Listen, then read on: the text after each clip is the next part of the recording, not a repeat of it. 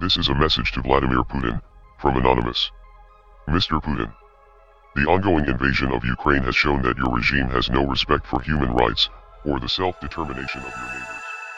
Tady je Matěj Skalický a tohle je Vinohradská 12. Russia is ramping up cyber attacks against Ukraine. Microsoft says Russian cyber efforts have targeted more than 20 Ukrainian agencies. That di the attivisti informatici al mondo e questa è la chiamata alle armi contro la Russia che ha cambiato le sorti Security guerra. experts also warn Russia could launch dis and misinformation campaigns, including with the deepfake videos. claim to have taken down websites associated with the Russian government, including the Russian Ministry of Defense. Nenosí helmy a neprůstřelné vesty, nemají automatické pušky, nejezdí tanky. Přesto hrají ve válce na Ukrajině velmi důležitou roli. Hekři versus Putin. Kyberválka, kyberpartizáni, kyberprostor. Jak to teď vypadá na digitální frontě? To pozorně sleduje moje kolegyně z domácí redakce, Jana Magdoňová.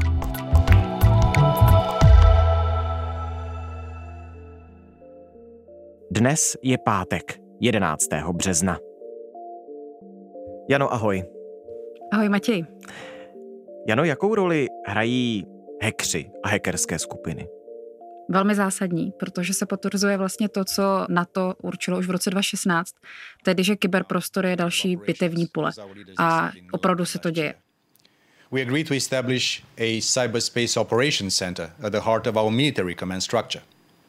We have also agreed to integrate national cyber effects i- or offensive cyber into Máme informace o tom, že hackerská scéna se nějakým způsobem třeba rozdělila. Určití hackři pomáhají Ukrajině, další skupina hackerů pomáhá Rusku, to znamená i ta hackerská skupina je jaksi polarizovaná.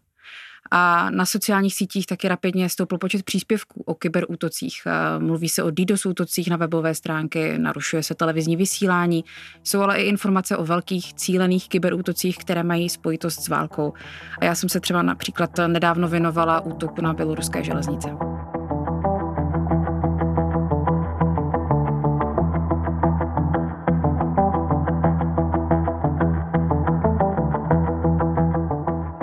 Provoz na železnicích v Bělorusku zkomplikoval kyberútok běloruské hackerské skupiny, která se snaží zabránit přepravě ruské vojenské techniky na hranice Ukrajiny. Víme, co přesně je to za skupinu?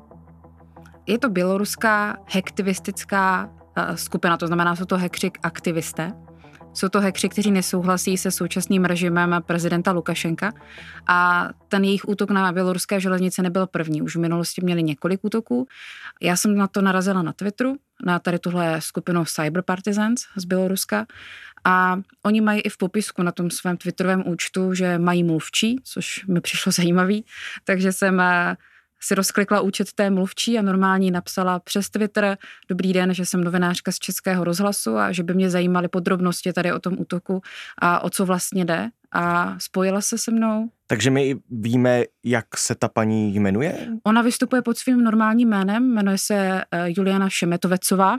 Zajímavé teda na ní je, že i dva roky dokonce studovala tady v Praze, takže a, mě pozdravila na začátku česky, což mě trošku vykolejilo. A, nicméně teď je, ona je mluvčí této skupiny, ale není v Bělorusku, je ve Spojených státech. Ale je normálně dohledatelná i ve veřejných zdrojích, dá se najít i její fotografie.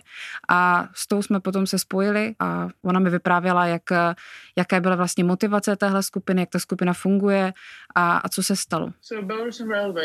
Běloruské železnice používali ruští vojáci k přesunu lidí a materiálu k ukrajinské hranici. Útočili z běloruského území na Ukrajinu a nebyli úspěšní. Mluvili jsme s nějakými lidmi se znalostmi o armádě a jeden z nich nám řekl, že pošlou víc vojáků i vybavení. Pro přesun tanků nebo dělostřelectva nejde použít letadla nebo silniční dopravu. Jediná cesta, jak je dostat k hranicím, jsou vlaky. Popisovala mi vlastně, proč se rozhodli na ty železnice zaútočit. Bezpečnost ohrožená není. Vím, že někteří lidé psali, že vlaky měly spoždění nebo nejedou vůbec, případně, že se nemůžou někam dostat. Ale bezpečí nikoho nebylo ohroženo. Popisovala, že si dávali pozor na to, aby neohrozili bezpečnost cestujících.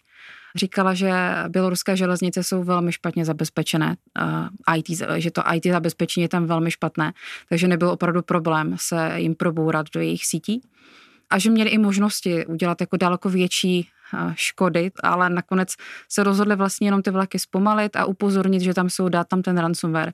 Nemělo to v žádném případě ovlivnit třeba signalizační zařízení na těch železnicích, aby prostě nedocházelo k žádným srážkám vlaku.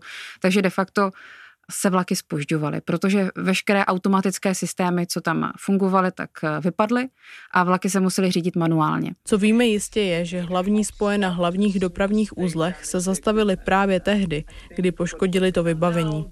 Víme, že se znovu pohybují, ale velmi pomalu, protože vše se teď ovládá manuálně. Takže to je to, co pohyb vlaků hodně zpomalilo. To znamená, ty běloruské železnice museli okamžitě nabrat lidi, vlastně takové ty seniory, kteří ještě uměli eh, zacházet z vlaky manuálně a začít je šoupat po těch železnicích eh, ručně, což samozřejmě zdrželo dopravu, takže se tvořily eh, velké fronty na nádražích, nefungoval systém pro elektronický nákup jízdenek, takže to všechno vlastně komplikovalo život na té železnici, ale neohrožovalo na životě cestující. Já jsem se na ten útok samozřejmě ptala přímo i toho dopravce v Bělorusku, ten moc nekomunikoval, chtěl to poslat e-mailem, což jsem udělala, na ten už nereagoval. Běloruská ambasáda se mnou sice komunikovala, ale řekla mi, že k tomu nemají co říct a že se mám obrátit přímo na toho dopravce. Takže vlastně z té druhé strany se mi nepodařilo získat žádné vyjádření. Zmínila si ransomware. Já mám tenhle pojem v hlavě uložený s rovnítkem nějaký vyděračský virus nebo něco podobného, když tak mě oprav, jak vlastně fungují tyhle útoky, jak přesně vlastně byl proveden i tenhle ten útok od té běloruské kyberpartizánské skupiny. Ona se tedy nějakým způsobem nabourala do toho zautomatizovaného železničního systému, nebo jak si to mám představit? Obecně ransomware fungují tak, že hacker si najde nějakou zranitelnost v systému, často to není jenom samotný ransomware, že jsou známé příklady, kdy prostě využijí nějakou jinou možnost, jak se do toho systému dostat. Třeba úplně jednoduše pošlou e-mail se zavěrovanou přílohou, ta oběť si rozklikne přílohu, a už si vlastně natáhne ten virus do své sítě, do svého počítače. Jestli je ta síť hodně propojená, hodně otevřená, tak se ten virus samozřejmě dostane úplně všude. A to znamená, že ty počítače se zašifrují, že je nemůžete používat, že najednou prostě se vám tam vyskočí třeba tabulka, váš počítač byl zašifrován a pro dešifraci použijte klíč. Hmm. A ty klíče samozřejmě nemáte. To znamená, pokud se takovýhle počítač zašifruje, tak eh, často nezbývá nic jiného, než ho celý přeinstalovat a pokud máte to štěstí a máte zálohu, tak eh, vlastně to najet znovu ze zálohy, ale často samozřejmě ty ransomware, tady ty vyděračské uh, viry, se soustředí na to, aby zlikvidovali a zašifrovali i ty zálohy. Takže potom vlastně jste skončili, přišli jste o data, konec.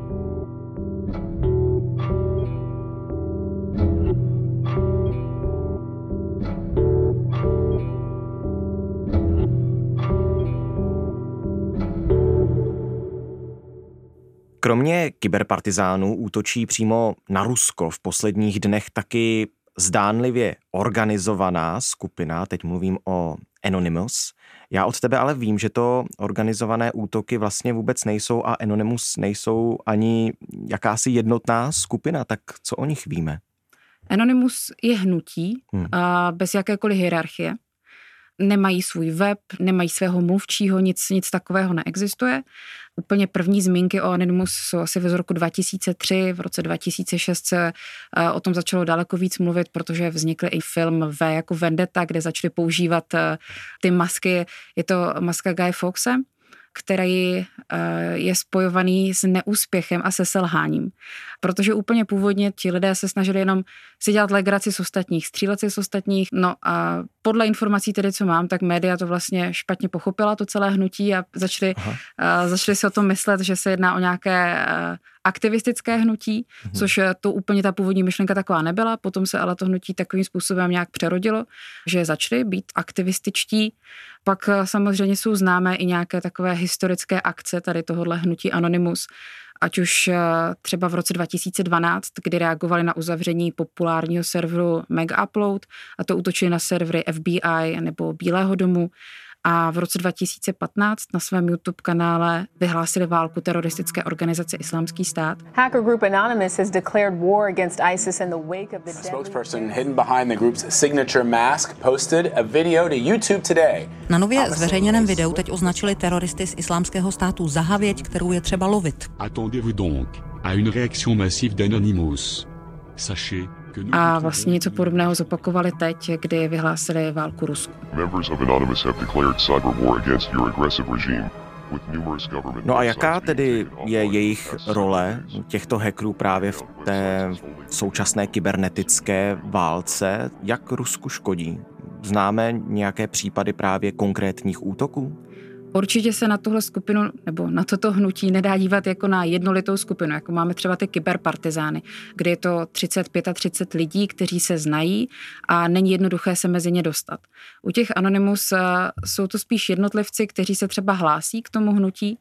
Co se děje teď je to, že tím, jak je decentralizované tady to hnutí, že vlastně neexistuje žádné, žádné středisko, centrum, nějaký šéf tady toho hnutí, tak eh, má samozřejmě i několik Twitterových účtů a vlastně každý, kdo, komu se povede udělat nějaký hackerský útok nebo se o to snaží, tak ho může jakoby přišknout tady tomu hnutí. To znamená, teď to působí, že hnutí Anonymous dělá strašně moc útoků, extrémně útočí, ale vůbec to třeba nemusí být eh, členové tady, tady tohoto hnutí.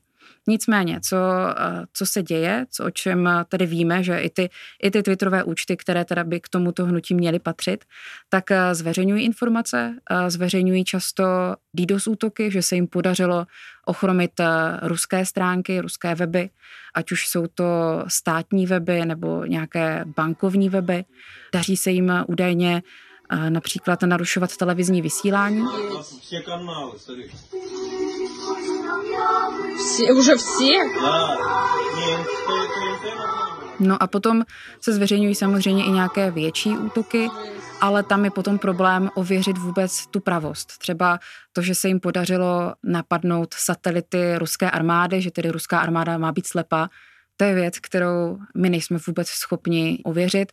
Maximálně to potom vyčíst třeba z kroku té armády, která se bude chovat slepě. A samozřejmě Rusko by tohle nikdy nepřiznalo.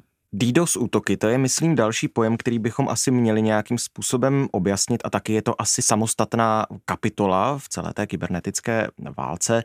Na sociálních sítích se začaly od začátku ruské vojenské invaze tedy organizovat eh, skupiny lidí, kteří mohou sami přes internet způsobit ruským serverům problémy. To jsou tedy ty takzvané DDoS útoky. O co přesně, Jano, jde? Jde o to, že nějakou stránku zahltíte přístupy. Běžný web je koncipován na nějaký počet eh, lidí, kteří na něho budou chodit. A plus samozřejmě se to třeba o, nějaká, o nějaké desítky procent nadhodnotí, kdyby byl ten eh, web z nějakého důvodu v nějakou chvíli oblíbený, tak aby utáhl to množství těch návštěv. Ale samozřejmě čím víc budete ten web koncipovat, aby mohl obsloužit více lidí, tím to bude dražší. Takže se vám nevyplatí, abyste dělal web, kam se může v jednu chvíli přihlásit 100 milionů lidí, pokud jste třeba malá firma nebo úřad. A tady na tom jsou právě založené DDoS útoky, že oni využijí takzvaný botnet, to znamená přihlášené počítače do jedné sítě, které už byly třeba napadené, mhm. které vytvořily si tady takovouhle síť. To znamená, já jako uživatel vůbec nemusím vědět, že můj počítač teďka útočí Aha. na nějaký web, ale využijí prostě kapacitu tohohle počítače a tady ty botnety mají opravdu třeba 100 tisíc počítačů, miliony počítačů eh, v jedné síti. To znamená, oni určí, že teď všechny tady tyto počítače najednou začnou navštěvovat jednu stránku. A samozřejmě ta stránka nezvládne takový nápor návštěv a spadne. To je vlastně celý princip tohoto útoku. On není nebezpečný, že by tu stránku úplně vyřadil navždy, on ji nezničí a samozřejmě, jak tento nápor pomine, tak potom eh, jsou ajťáci schopni tu stránku znovu nahodit, ta stránka znovu potom funguje ale ten prvotní nápor je velmi těžké nějakým způsobem odklonit nebo se mu bránit. To znamená, ten útok není kriticky nebezpečný, ale spíš cílí třeba na prestiž nebo na zmatení lidí. Jestli vám přestane fungovat stránka, kterou vy nutně potřebujete, tak vás to může třeba znervoznit, může vás to znejistit. V současné chvíli jsou známé útoky, DDoS útoky třeba na média, tak najednou vlastně vy zavřete pusu těm médiím, že nemohou informovat, což může být problém. Není to úplně kritický problém, ale pokud ty stránky nefungují dny, tak už to problém být může. A když se na to teď podíváme z té druhé strany, dokáže Moskva, Kreml, ty kybernetické útoky nějakým způsobem odvracet? Byly vlastně, když se zeptám jinak, rusové na tu válku na té digitální frontě připravení? Proti DDoS útoku například, co jsme zmiňovali, se prostě špatně brání. Tam eh, Rusko, co teď oznámilo, tak eh, by mělo eh, začít omezovat internetové služby a to by nějakým způsobem mohlo omezit možnosti tady těch DDoS útoků a tím vlastně by mohli chránit a to svoji infrastrukturu, ty svoje weby, ty svoje stránky. Potom máme informace i naopak ne o obraně Ruska, ale o útocích Ruska. To znamená to, že se na tuhle válku připravovali. Máme informace o tom, že v předvečer zahájení té války ukrajinskou infrastrukturu napadl virus Viper.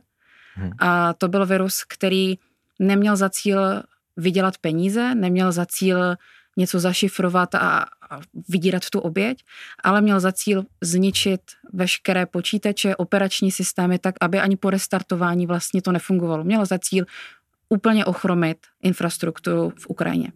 То було в предвечора tady té války. Міністерства оборони, Збройних сил, а також мобільні додатки двох державних банків сьогодні лягли. Kybernetickými útoky, které dočasně vyřadili z provozu weby ukrajinského ministerstva obrany. Moskva svou roli v incidentu už dřív popřela. Podle ukrajinských činitelů byl úterní útok největším v historii země.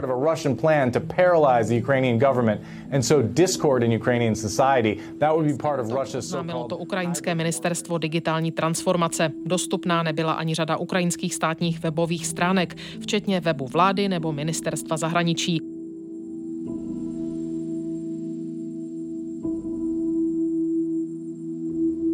A my nevíme, že to udělali Rusové, tento útok. Za je to velmi brzo eh, na někoho ukazovat prstem a za druhé je to často velmi těžké. Takže s jistotou se to říct nedá. Na druhou stranu, když jsem se bavila například eh, s odborníky z ESETu, kteří právě popisovali tady tento útok, tak eh, říkali, no a když se na to jenom podíváte, komu to vlastně prospěje, tento útok, tak eh, by ten takzvaný vektor útoku, tedy odkud ten útok jde, prostě směřuje na to Rusko. S ruskými hackery je z dřívějška spojována řada útoků v západních zemích. My víme o tom, že ta ruská hackerská scéna je poměrně silná, známá. Jak silná je ale teď? Víme třeba i o nějakých útocích, které byly v České republice? Spojené s válkou. Hmm. Co se týká České republiky, tak víme o tom, že jak eh, eskaloval ten problém eh, mezi Ukrajinou a Ruskem, už třeba od ledna, tak postupně rostl počet spamů, phishingu. To jsou útoky, které jsou plošné, které nejsou cílené, které nemusí být až tak nebezpečné. Tady se ale bavíme třeba o, o zašifrovaných e-mailech a tak dále. Tak to víme, že počet těchto útoků narůstá, rapidně narůstá a s vypuknutím války dál roste. Ale že by byl konkrétní velký útok, cílený útok na nějakou infrastrukturu v České republice, to znamená, že bychom zaznamenali útok na nějaké ministerstvo, úřad, elektrárnu, cokoliv takového, tak eh, to není veřejné minimálně, ale nemáme žádné informace o tom, že by se to dělo. Národní úřad pro kybernetickou a informační bezpečnost už na konci ledna vydal nejdřív upozornění, že vlastně kvůli eskalaci konfliktu, ještě tehdy konfliktu, tak může docházet ke kyberšpionážím, a může docházet k DDoS útokům například i právě na média a může prostě docházet k více kybernetickým útokům. Potom, jakmile válka vypukla, tak už vydal varování. Varování v podání NUKIBu, tedy toho kyberúřadu, už je právně závazné a vydal varování, které mělo být eh, ne, že se něco děje, ale upozorňovala, že se něco může dít a že ta pravděpodobnost, že se něco stane, je, je velmi vysoká. Že se to samozřejmě týká té války mezi Ruskem a Ukrajinou. Tento týden kyberúřad vydal eh, seznam incidentů, to znamená seznam hlášených napadení, seznam hlášených vážnějších kyberútoků, kterému ale hlásí pouze ty instituce, ty úřady nebo nemocnice, které spadají pod kybernetický zákon. Nemusí to dělat každý člověk, když mě někdo hackne, tak já to nebudu hlásit Nukibu, ale pokud by někdo hacknul ministerstvo zahraničních věcí, tak to už je přesně ten incident, který bude NUKIP evidovat. No a za únor těchto incidentů je 11, což je podprůměr není to nic alarmujícího a rozhodně se nedá říct, že to všechno je v souvislosti s válkou na Ukrajině, takhle se to určitě nedá říct. A žádný z těchto incidentů nebyl velmi kritický. To znamená, NUKIP zatím nezaznamenal nějaké kritické útoky na Českou republiku. Nicméně, ale ta hrozba tady je. Upozorňovali mě na to například odborníci z technologické firmy Checkpoint, že opravdu dává smysl, aby, aby NUKIP takovéhle varování vydal, protože uh, to i sám v té zprávě NUKIP tam upozorňuje, že zaznamenali skenování sítě, skenování toho, jestli třeba nějaké ministerstvo, nějaký úřad, státní zpráva nemá zbytečně zranitelnou věc vystavenou do internetu, kudy by se potom mohli dostat snadněji a napadnout tu instituci. A víme, proč je ta vlna útoků právě třeba z té ruské strany zatím podprůměrná v České republice a vůbec vlastně nevíme ani o nějakých větších útocích v západní Evropě. Je možné, že třeba ruští hekři prostě nečekali, že ten vývoj na frontě, teď myslím skutečně na Ukrajině, bude takový, jaký je a třeba, teď to řeknu možná banálně, ale zaspali tu válku? Je to už všechno na úrovni spekulací. Hmm. Tohle tady si můžeme spekulovat víceméně, co chceme. Ale oproti těm útokům, které třeba podnikají hekři, kteří se zaštiťují tou značkou Anonymous, vlastně nechci říct, že to je nic, to, co, o, o kterých útocích víme právě z ruské strany, ale rozhodně to není tak silná vlna.